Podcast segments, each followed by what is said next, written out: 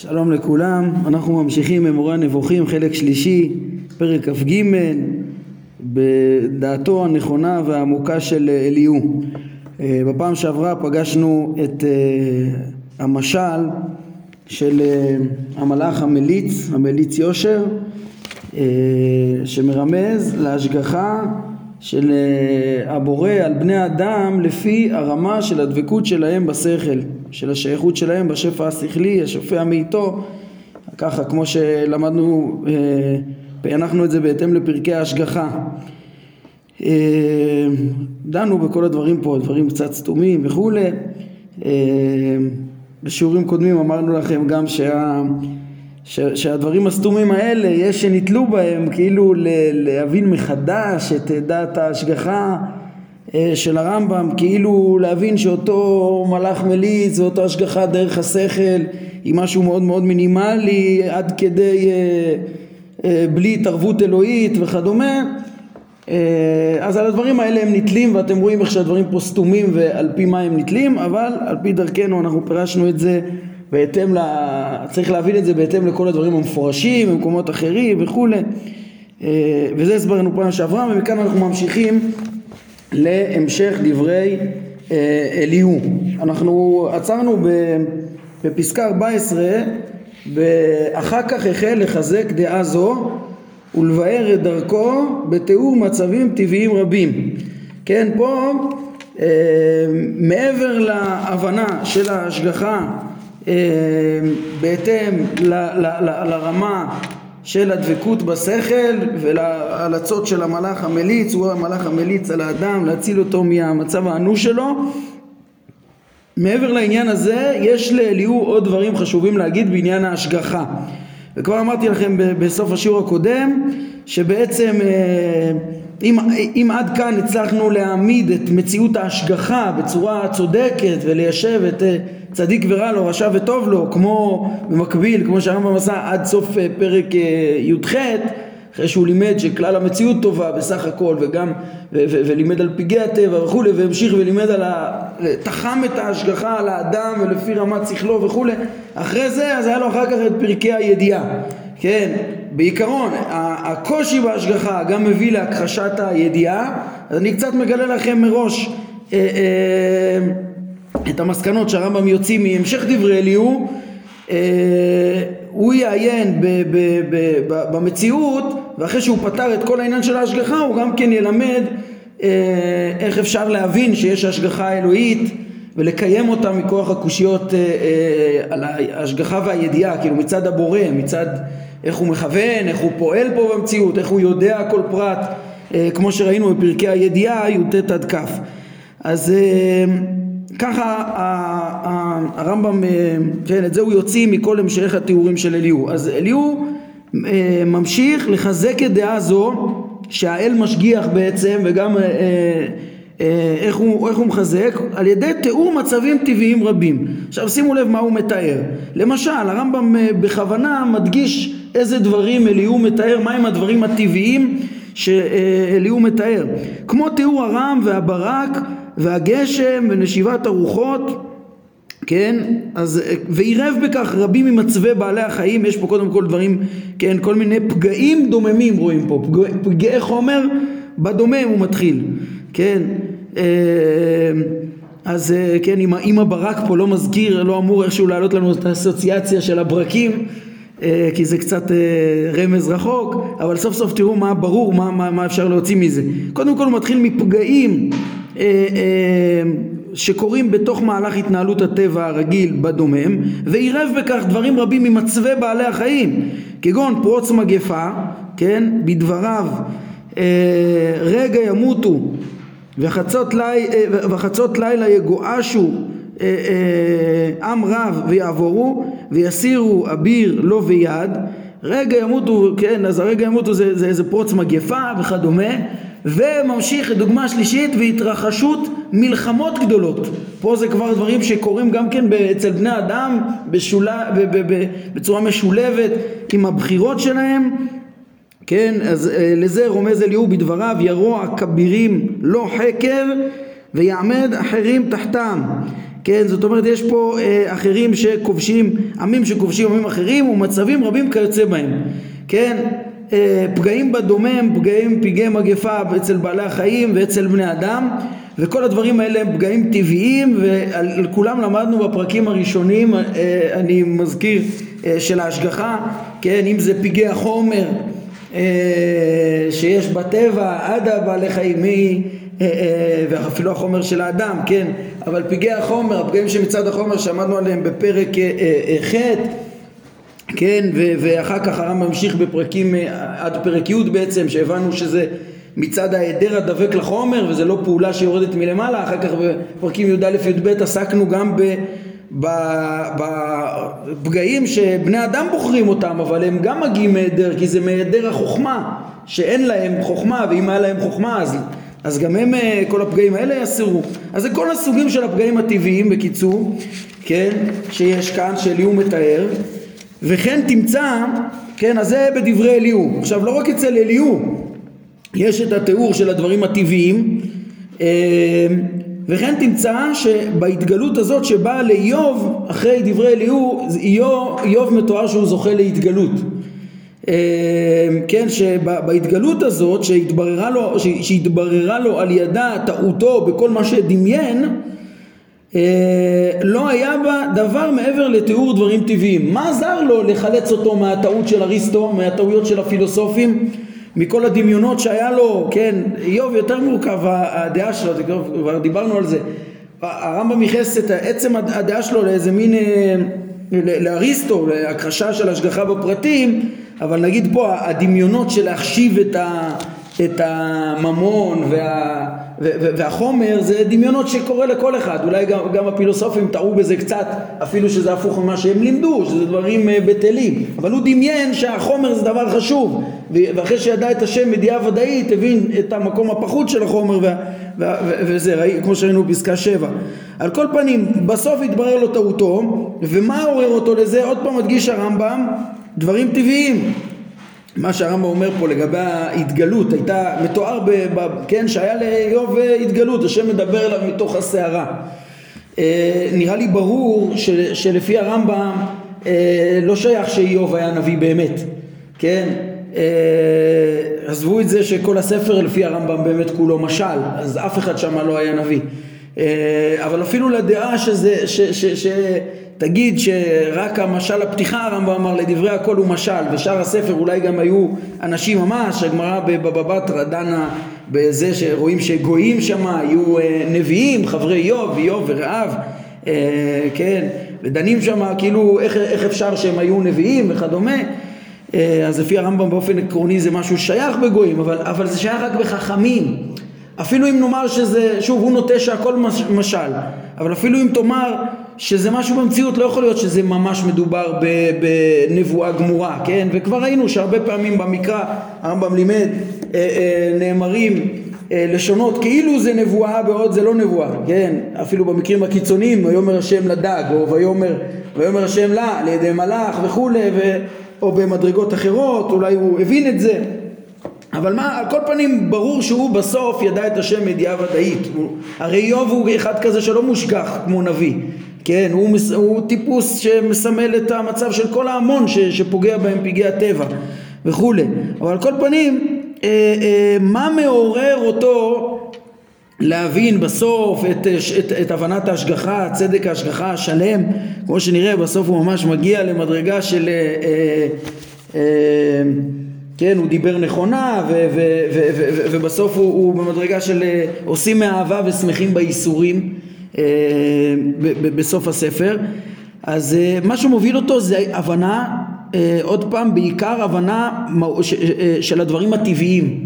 אומר, אומר הרמב"ם כן גם השם בהתגלות שלו לאיוב מתוך הסערה אומר לו אה, אה, מלמד אותו דברים טבעיים, שיתבונן במהות הטבע, שיבין היטב את מהות החומר פה הפחות שתחת גלגל הירח, כן, עם תיאור יסודות, או תיאור תופעות מטאורולוגיות, שכולם קיימות פה בתוך חלל גלגל הירח, כן, או תיאור אה, טבעי מיני בעלי חיים, ולא שום דבר אחר.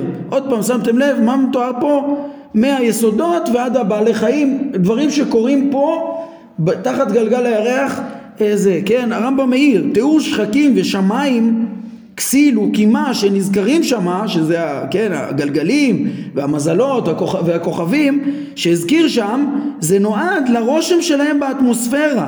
לא מדובר עליהם עצמם, אלא מה הם, כן, הרי כל מה שקורה פה מגיע מכוחם. לפי המדע של, של אז, כן, כל הצורות וכל, ה, ו, ו, וכל התנועה פה וכולי, כי כל הערתו לא עסקה רק במה שמתחת לגלגל הירח, אומר הרמב"ם, כן, אז זה גם, גם המסר שבעקבות בעקבות אה, אה, החוכמה שהוא מבין מאליהו הוא גם משיג, מעין התגלות וגם כן קולט את הטבע של, של, של החומר. אתם רואים איך זה מתאים ממה שהרמב"ם אמר כבר בפרק כ"ב שהסוד של השטן הוא הסוד של ספר איוב. אם, אם, אם נבין היטב את מהות החומר ואת החומר הצורה וההיעדר הדבק לו אז אנחנו נוכל להבין את סוד ההשגחה. ותראו אבל מה יצא מזה עוד מעט. יותר ממה שאמרנו עד עכשיו. כן? וכן חוזר הרמב"ם לאליהו. כן? כמו שאליהו הדגיש על ה, שוב על, ה, על ה, הדברים הטבעיים גם השם הדגיש לאיוב. הוא חוזר לאליהו וכן הסב אליהו את תשומת הלב ללימוד ממיני בעלי החיים.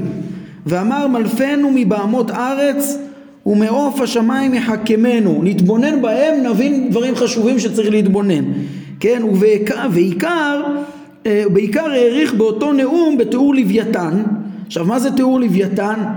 אה, יש שם, יש שם תיאורים מיוחדים שלא מתאימים לשום איזה בעל חיים אה, על, על, על הארץ, כן? אז הרמב"ם מסביר שהוא אוסף סגולות גופניות המפוזרות בבעלי החיים ההולכים והשוחים והעפים. כן מה שמתואר שם זה לא פה הרמב"ם על הדרך מתרץ איזה קושייה על מה איוב מדבר בכלל איזה טבע הוא מדבר.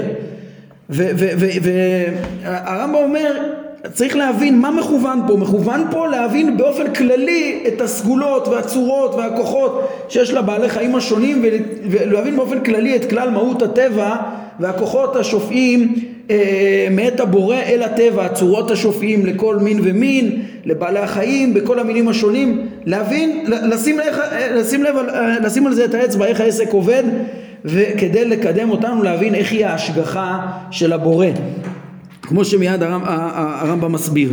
מה, מה אנחנו צריכים, מה מועיל לנו בכל התיאורים של הדברים הטבעיים? דבר שכן, הרמב"ם הזכיר את זה גם בפסקה 12, אתם רואים שכאילו איוב לא אמר שום דבר, הוא רק תיאר את, הש...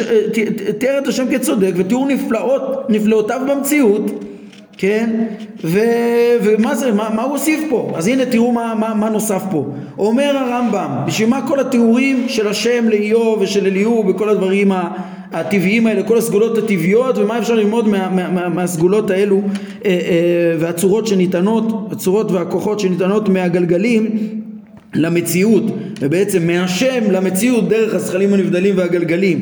הכוונה בכל הדברים האלה הייתה ששכלנו אינם מגיעים להשיג כיצד נוצרים הדברים הטבעיים האלה המצויים אה, בעולם ההתהוות והכיליון ואיננו יכולים לתפוס כיצד היא ראשית מציאות הכוח הטבעי הזה שבהם ואין זה דומה, דבר הדומה למה שאנחנו עושים, כן?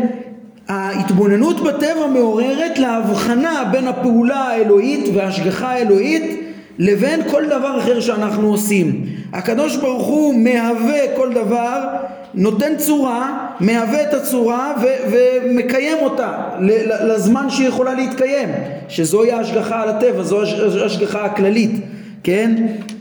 אה, אגב, בפסקה חמש בפרק שלנו, איוב בעצמו עוד בעודו אה, מכחיש את ההשגחה, אז הוא תמה איך עיקר יצירתו וקיומו אה, מושגח אבל אחר כך הנהגתו בהתאם למעשים שלו הוא מוזנח זה דבר בלתי אפשרי, זה דבר תמוה אצל אריסטו, איך הוא התעלם מההשגחה שראויה להיות בכלל גם על האדם לפי שכלו ולפי מעשיו וחוכמתו, כן?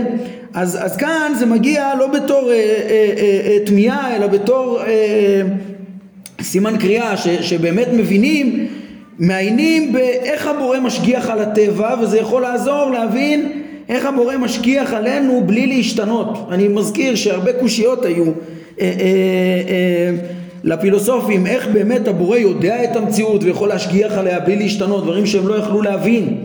והרמב"ם העריך, הביא מדברי דוד בפרק י"ט, בפרקים ככ"א, איך שכדי להבין את זה קודם כל צריך הבחנה מוחלטת בין הידיעה וההשגחה האלוהית לידיעתנו והשגחתנו, כן?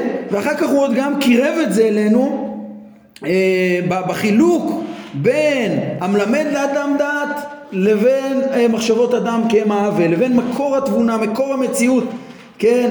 בפרק י"ט ראינו את זה כבר ברמז, אחר כך בפרק כ"א בהרחבה בין ידיעת האל לבין ידיעת המתבונן מבחוץ שהוא בידיעתו הוא גם יוצר את כל הדברים וביצירתו הוא, הוא, הוא, הוא יודע את כל הדברים בלי לבטל את הטבע, בלי לבטל את האפשרות וכולי אז, אז זה מה שהוא חותר ל, ל, ל, ל, ל, להסביר. בכל הדברים האלו להבין שאנחנו לא מבינים איך עובד את המנגנון של ההשגחה והידיעה שאצל הבורא זה לא דבר נוסף על עצמותו. כן, תראו איך שהרמב"ם מעריך בזה עכשיו, ומפה הוא מביא לנו, מתוך ההתבוננות בדברים הטבעיים, אה, הוא רוצה להראות איך שאליהו והשם לימדו את איוב על האפשרות שבאמת קיימת השגחה, ובזה דוחים לגמרי את הסברה של הפילוסופים. כן, איך אם כן, אם אנחנו לא מסוגלים להבין בכלל איך הבורא משגיח על הטבע, איך הוא מש... יוצר את, את, את, איך הוא יוצר את העין ואת האוזן ואת כל הדברים שוודאי זה חייב להיות עם השגה כמו שראינו הנוטה האוזן אה, אה, הלא ישמע אם יוצר עין הלא יביט כן, אה, עושה גרים הלא יוכיח, המלמד אדם דעת, כל הדברים האלה הבורא ודאי יודע אותם. ויש, ואנחנו לא מבינים איך זה אצלו. אז איך אם כן יכולים לנו לרצות שהנהגתו יתעלה אותם והשגחתו עליהם תדמה להנהגתנו את מה שאנחנו מנהיגים. כן, או להשגחתנו, אה, אה, או להשגחתנו על מה שאנחנו משגיחים עליו. זה הרי חייב להיות אה, שונה, כן, התיאור הזה של איך הבורא משגיח ומנהיג את המציאות זה תואר גם בחלק ראשון, פרק ס"ט, אם אתם זוכרים, שהאל צורתו של העולם ותכליתו ואיך הכל קיים מכוחו וכולי. והקיום הזה זה לא רק קיום עיוור כללי כמו שאריסטו תפס אותו אלא הוא כולל מודעות והשגחה כל דבר לפי אה, אה, מדרגתו כן, אז איך אנחנו יכולים להבין את ההשגחה הזאת? הרי אנחנו לא מבינים בכלל איך, איך, איך עובדת המערכת אפילו בהשגחה הכללית של הטבע. כן, אלא עלינו לעצור כאן ולהאמין. שימו לב פה מפורש הידיעה כבר התייחסות גם לביטוי לפרקי הידיעה להאמין שאין נעלמת ממנו יתעלה כל תעלומה. אין מה לעשות הרי הוא המקור התבונה לכל מה שקורה פה כמו שראינו בפרקי הידיעה ואי אפשר גם אה, אה, אה, שהוא לא יודע את הדברים האלה. אי אפשר גם במושכל ראשון לייחס לו את החיסרון הנוראי הזה בלי הכרח שאין כזה. כן, אי אפשר להבין את הידיעה בשביל להקשות עליה קושיות ולא את ההשגחה. לכן עלינו לעצור כאן ולהאמין שאין, כן הוא מגדיר את זה גם הגדרה שוללת, מדויקת אה, אין נעלמת ממנו יתעלה כל תעלומה. כמו שאמר כאן אליהו על זה נסמך הרמב"ם כן שהוא אומר כי עיניו על דרכי איש היינו השגחתו על דרכי איש ועל על כל אדם ואדם כן וכל צעדיו יראה את כל צעדיו הוא משיג כן אין חושך ואין צל מוות להיסתר שם פועלי אבן אין דבר שנעלם אה, אה, מאת הבורא כן אבל אומר הרמב"ם אין משמעות השגחתו כמשמעות השגחתנו כן זאת אומרת זה מה שאליהו מלמד מהדברים הטבעיים הוא אומר אתה הרי לא מבין את הטבע אתה לא מבין את הטבע והוא משגיח מה, מה מתכוון יום להגיד ביחד שאתה לא מבין את הטבע לא מבין את השגחתו בטבע יחד עם זה שהוא אומר שהוא משגיח ושום דבר לא נעלם מאיתו כן? כי, כי בעצם הוא רוצה להגיד, אתה לא מבין את הטבע, אתה לא מבין את ההשגחה האלוהית בכלל, אין מה להשוות אותה, וזו התשובה העמוקה לכל הסתירות המדומות שחשבו הפילוסופים להגיד בידיעה, מה שהרמב"ם מוכיח אותם בחריפות, בפרק ט"ז ואחר כך פרקים י"ט עד אה, כ"א, ובעיקר בפרק כ'. כן, אבל אין משמעות השגחתו כמשמעות השגחתנו ולא משמעות הנהגתו את ברואיו כמשמעות הנהגתנו את מה שאנחנו מנהיגים ואין להם הגדרה משותפת כמו שחושב כל נבוך ואין ביניהם שיתוף מלבד במינוח בלבד. כן זה רק מינוח וכמו שהרמב"ם אמר בפירוש ב- ב- בסוף אה, פרק כ' תראו אה, הרמב"ם מזכיר פה כמה ביטויים הנה אני אקרא גם עוד כמה משפטים. וכמו שהמעשים אה, הטבעיים שונים מהמעשים המלאכותיים כן?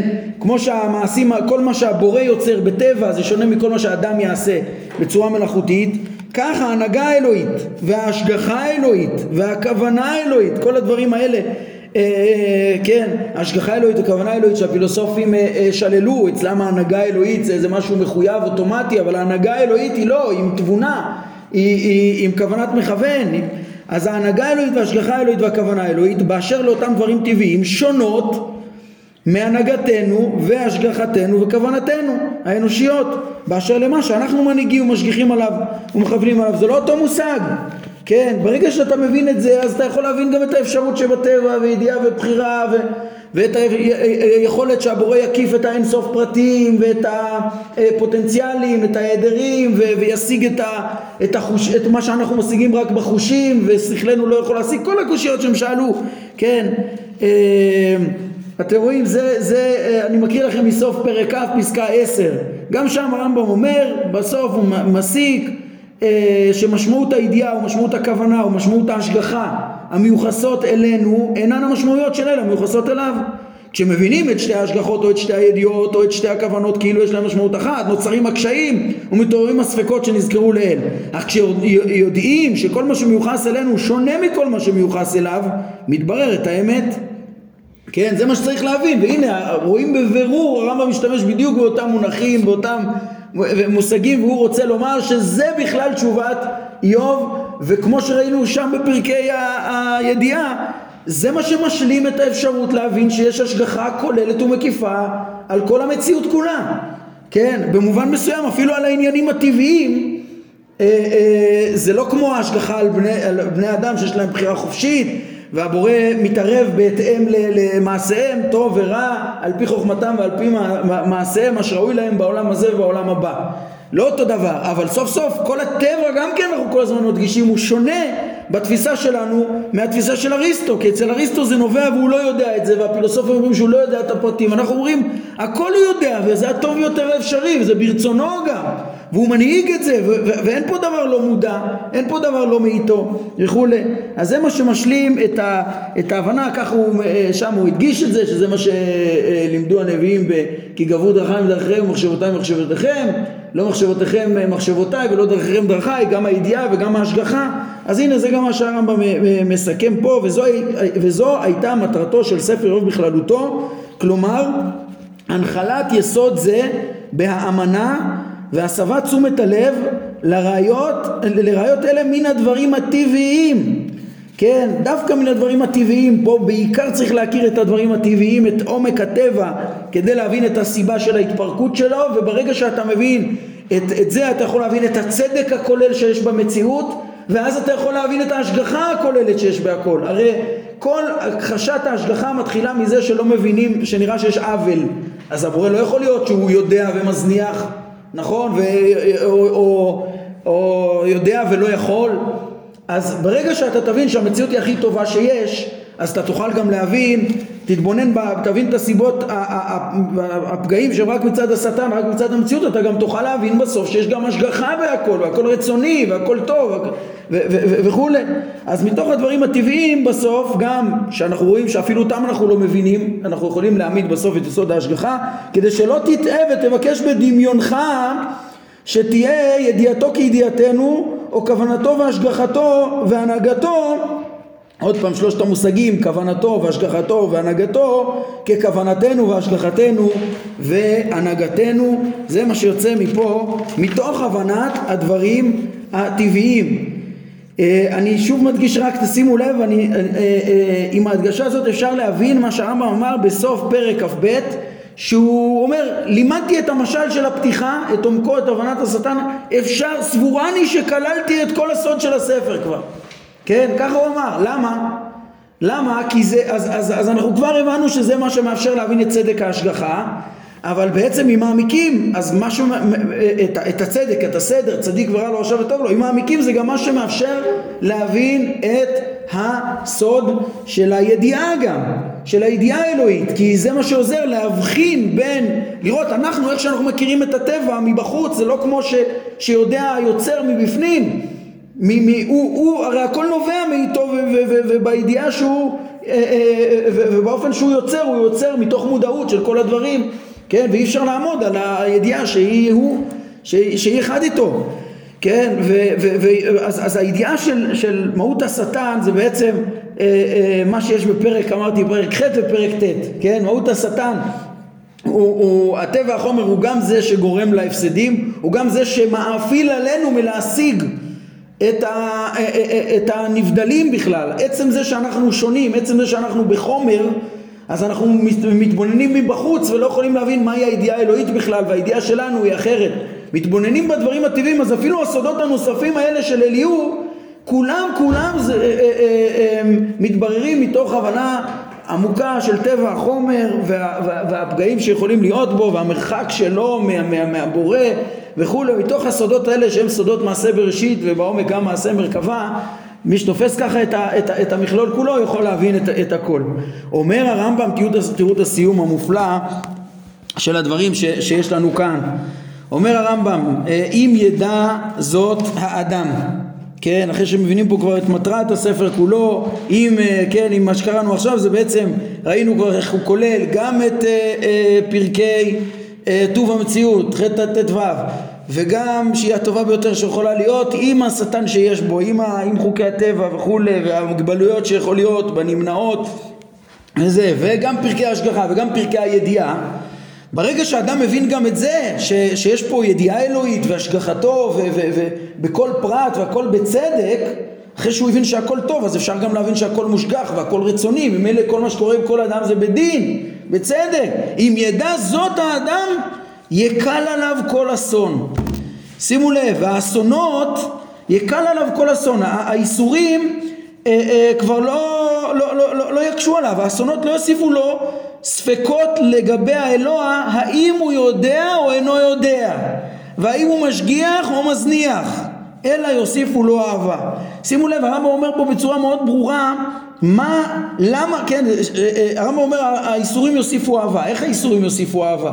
כן, איסורים זה דבר קשה, רוב בני אדם אה, בגללם מגיעים לכפירות ולקשיים וכולי, אז הרמב"ם, אבל רואים מה הוא מתכוון, הרמב"ם אומר שאם ידע זאת זה יגרום לו שלמרות האיסורים הוא יאהב את הבורא. למה? כי הוא ידע שזה בצדק, זה מה שהתחדש כרגע. הרמב"ם אמר, כי, כי הוא יודע שכל מה שקורה זה בצדק, הוא, הוא מבין, אפילו אם זה לא בגלל אה, מעשה מסוים, לא כמו שאליפז אמר, אה בטח חטאת ועצם זה שאתה בחומר הזה אתה חוטא, לא, לא מגיע לך עונשים פה, אלא, אלא הוא יודע את מקומו, הוא יודע, הוא, הוא, הוא יודע כמה חסד וטוב יש לבורא, שהוא בורא את המציאות הכי טובה שיש וכמה, איך נתן לנו את האפשרות להגיע אליו. וזה נכון שגם צריך לדעת את מה שהרמב"ם הדגיש אה, אה, קודם בפסקה 7 בדברי איוב, תראו הרמב"ם מביא עכשיו את הדברים האלה אבל עכשיו צריך להעמיק בהם יותר. אה, כמו שאמר איוב בחתימת אותה התגלות אחרי ההתגלות מה בסוף הוא מבין? על כן אמאס וניחמתי על עפר ואפר. כן וכמו שאמרו חכמינו ז"ל עושים מאהבה ושמחים בייסורים. יש פה דברים מופלאים, מה, מה, מה, מה יש פה? נכון שיש פה, קודם כל יש את הרובד הקודם של פסקה 7 ש, ששם איוב כבר הבין אה, את מקומו של החומר ומה חשוב ומה לא חשוב אז הוא לא כל כך מצטער על הפגעים בחומר. כן בגלל שהם לא חשובים גם, גם ההשגחה מאפשרת אה, יותר ש, שיהיה פגעים כאלה אה, למי ש, שלא ראוי להינצל מזה כי גם ככה זה לא כל כך חשוב כי העיקר זה את נפשו שמו. כן, אבל, וגם זה חשוב, גם זה משתכלל והכל בצדק, אבל מה שמתחדש כאן עכשיו זה שמעבר להבנה שיש פה פגעים מצד הטבע, יש גם השגחה אלוהית. עכשיו אפשר לתפוס שיש גם השגחה אלוהית, ידיעה, הכל הוא יודע והכל הוא משגיח והכל בצדק. אז אם אדם מבין שלמרות שזה מכוח, מכוח השטן, אבל אם אה, זה בצדק, כאילו היה ראוי, היה ניצול מזה, ונפשו בכל מקרה שמורה, והכרת האלוה יש לו, והכל הבורא מנהיג בצורה הכי טובה שיש והכי צודקת שיש וכולי כן, אנחנו נראה איך שבחתימת הספר גם הרמב"ם מדגיש איך שהבורא מנהיג את העולם בחסד, משפט וצדקה. כשאדם מבין את זה, אז הוא בעצם, הוא, הוא, הוא, הוא מכיר את מקומו, הוא מכיר את זה שיכול להיות לו פגעים, אין לו תלונות על הבורא, להפך הוא יודע שהכל בצדק והכל בדין, והוא רק מוסיף אהבה, כי הוא מבין מה חשוב ומבין שכל מה שקורה לו בצדק, ממילא למרות האיסורים הוא יוסיף אהבה. זה הדברים. לכן יש פה עכשיו אה, העמקה יותר עמוקה, מה באמת המסקנה של הספר, על כן אמאס, אמאס את כל התענוגות והטובות החומריות שהוא חשב שהן תכלית, וניחמתי על עפר ואפר. כן, אני מבין שאני בתוך האפר, זה כבר ראינו את ההסבר, אבל, אבל פה אני חושב שהניחמתי על עפר ואפר צריך להוסיף את כל מה שלמדנו עכשיו בשיעור הזה. היינו שהחומר הוא לא רק הסיבה לפגעים, פה הרמב"ם סותם, אבל זה מובן שזה דעתו הנכונה הסופית שבזה הוא, הוא סיים ובסוף הוא היה, הגיע למדרגה של עושים אהבה ושמחים בייסורים כן? מה, מה צריך להוסיף? שהחומר הוא גם החציצה בפני ההשגה כן? אני בתוך עפר ואפר זה גם מה שגורם שאני לא אוכל להשיג את, את, את הבורא כן? וזה מה שמאפשר לי להבין שידיעתו והשגחתו היא לא כידיעתי וממילא יש השגחה וכל הסתירות והספקות שהיו לה לגבי האלוה האם הוא יודע או לא יודע משגיח או מזניח כולם נפלו. זה גם כן נופל מתוך השטן מתוך הבנת החומר מתוך הבנה שהוא החציצה בפני ההשגה שלנו ושיש הבדל בין המלמד אדם דת לאדם. זה גם כן ניחמתי אני בעפר ואפר אז אני לא יכול להבין כלום אבל, אבל הכל בצדק ואני יכול להבין שכבר אין לי ספקות ודאי שהוא יודע ודאי שהוא משגיח וזה לא במשמעות של ידיעה והשגחה שלנו ואז אפשר להעמיד הכל והכל בצדק ו, וואו ואז עומדים מול הכרת השם האל הטוב שבאמת בחסד משפט וצדקה בונה את כל המציאות ונותן לנו את המקסימום שאפשר וכל אדם מקבל כדרכיו. שום דבר לא יצא מזה והכל שלם אז עושים אהבה למרות, למרות ש... ושמחים בייסורים זה הדברים המופלאים. עכשיו תראו, אני אעיר הערה קטנה אחרונה לגבי הפסקה האחרונה שהיא גם כן מופלאה, הדגשה מופלאה. Uh, הרמב"ם אומר ככה, אם תתבונן בכל מה שאמרתי באופן, באופן שראוי להתבונן בחיבור זה, כן? מי שקורא פעם אחת, אני קראתי את הפרקים האלה כמה פעמים ועוד לא הבנתי את כל התובנות האלה שהגענו אליהם בסוף. כי בפעמים הראשונות קראתי את זה בזריזות ולא כמו שראוי להתבונן בחיבור זה, אבל אם מתבוננים כמו שצריך בחיבור זה, ותעיין בספר איוב זה, אה, אז מה? תתברר לך משמעותו ותמצא שכללתי את כל ענייניו, כן? הרמב"ם אומר, תקרא, ת, ת, תתבונן בכל החיבור, לא מספיק לעיין בפרקי איוב כדי להבין את רמזי, רמזי הרמב"ם פה. בכל החיבור ובכל הרמזים שבו תעמוד על הסודות, תעמוד על דרכי הרמזים וזה אז אתה תקרא את הדברים ולא תקרא רק את השטחיות של הדברים פה ולא תבין מה הכוונה, כל מיני משלים ודברים שהרמב"ם עדיין מעלים. אבל תלמד את כל החיבור אז אתה תצליח להבין גם את מה שיש, מה שהרמב"ם כלל כאן ותלמד גם את כל ספר איוב כמו שצריך אתה תראה שכללתי את כל ענייניו. עכשיו זה חידוש עצום בפרק איוב בספר איוב יש לך מ"ב פרקים. כמה דיברו כולם כמה בכל התיאור של משל השטן וכל הדו-שיחים של איוב וחבריו הלוך חזור עד אה, פרק ל"א עד אליהו וכמה דיבר אליהו וכמה השם מן הסערה וכולי מ"ב פרקים. הרמב"ם אומר כללתי פה הכל. כמה אבל הרמב"ם אמר כמה נקודות.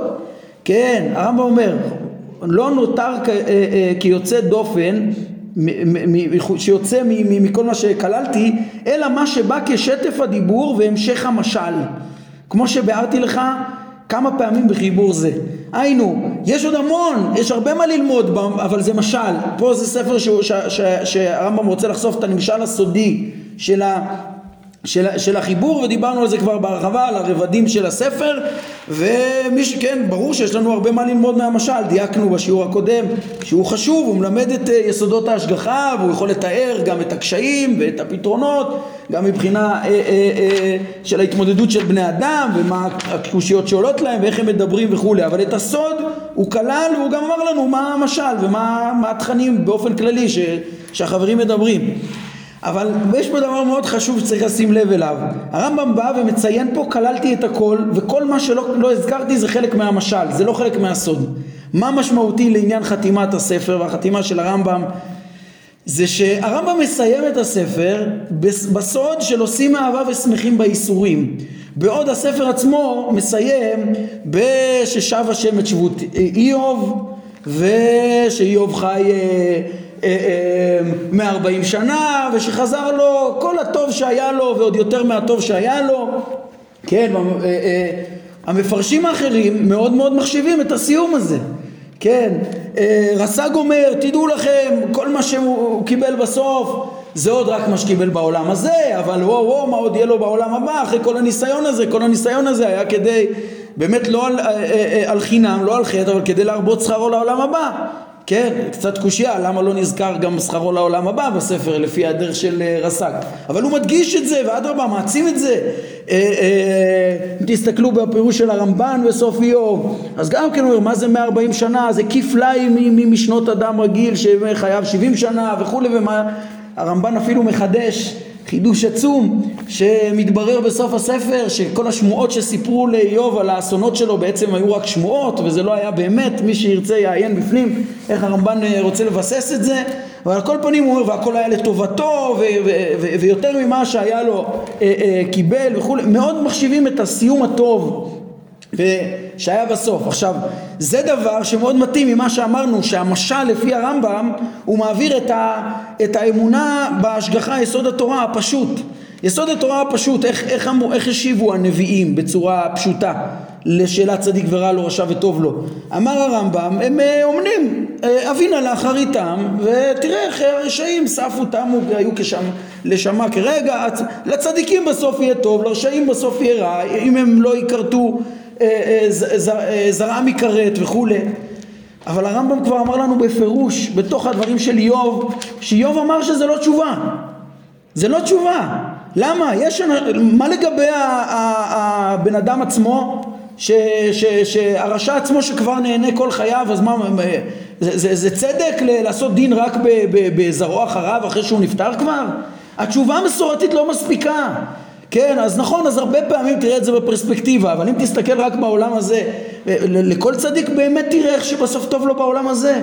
לא, זה לא התשובה. הרמב"ם מתעלם מזה ובעצם רומז, התשובה הזאת זה חלק מהתשובה המסורתית.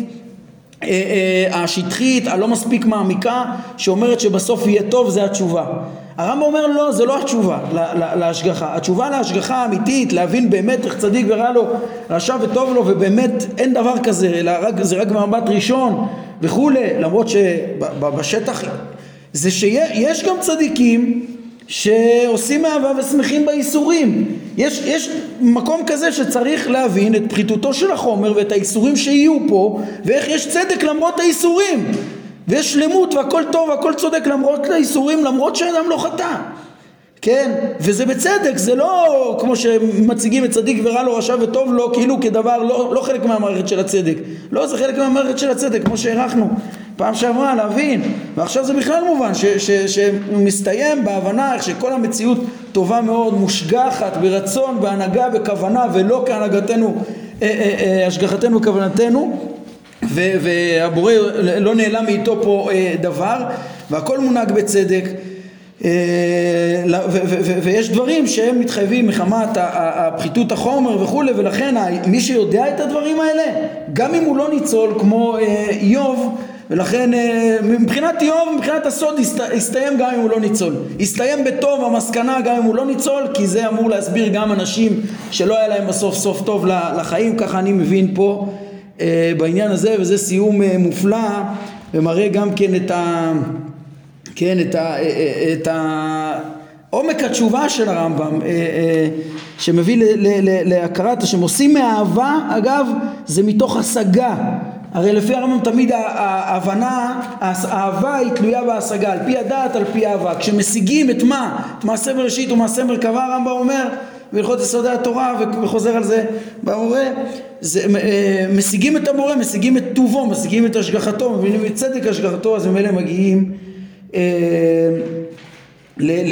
לאהבה למרות האיסורים וש, שמבינים איך שגם הם חלק מהמערכת אה, של הצדק. טוב, אני חושב שכללתי פה את אה, כל מה שהוספתי פה בהערותיי מסביב ואנחנו נסיים בזה את הפרק המופלא הזה. אה, נעמוד כאן להיום, ברוך אדוני לעולם, אמן ואמן.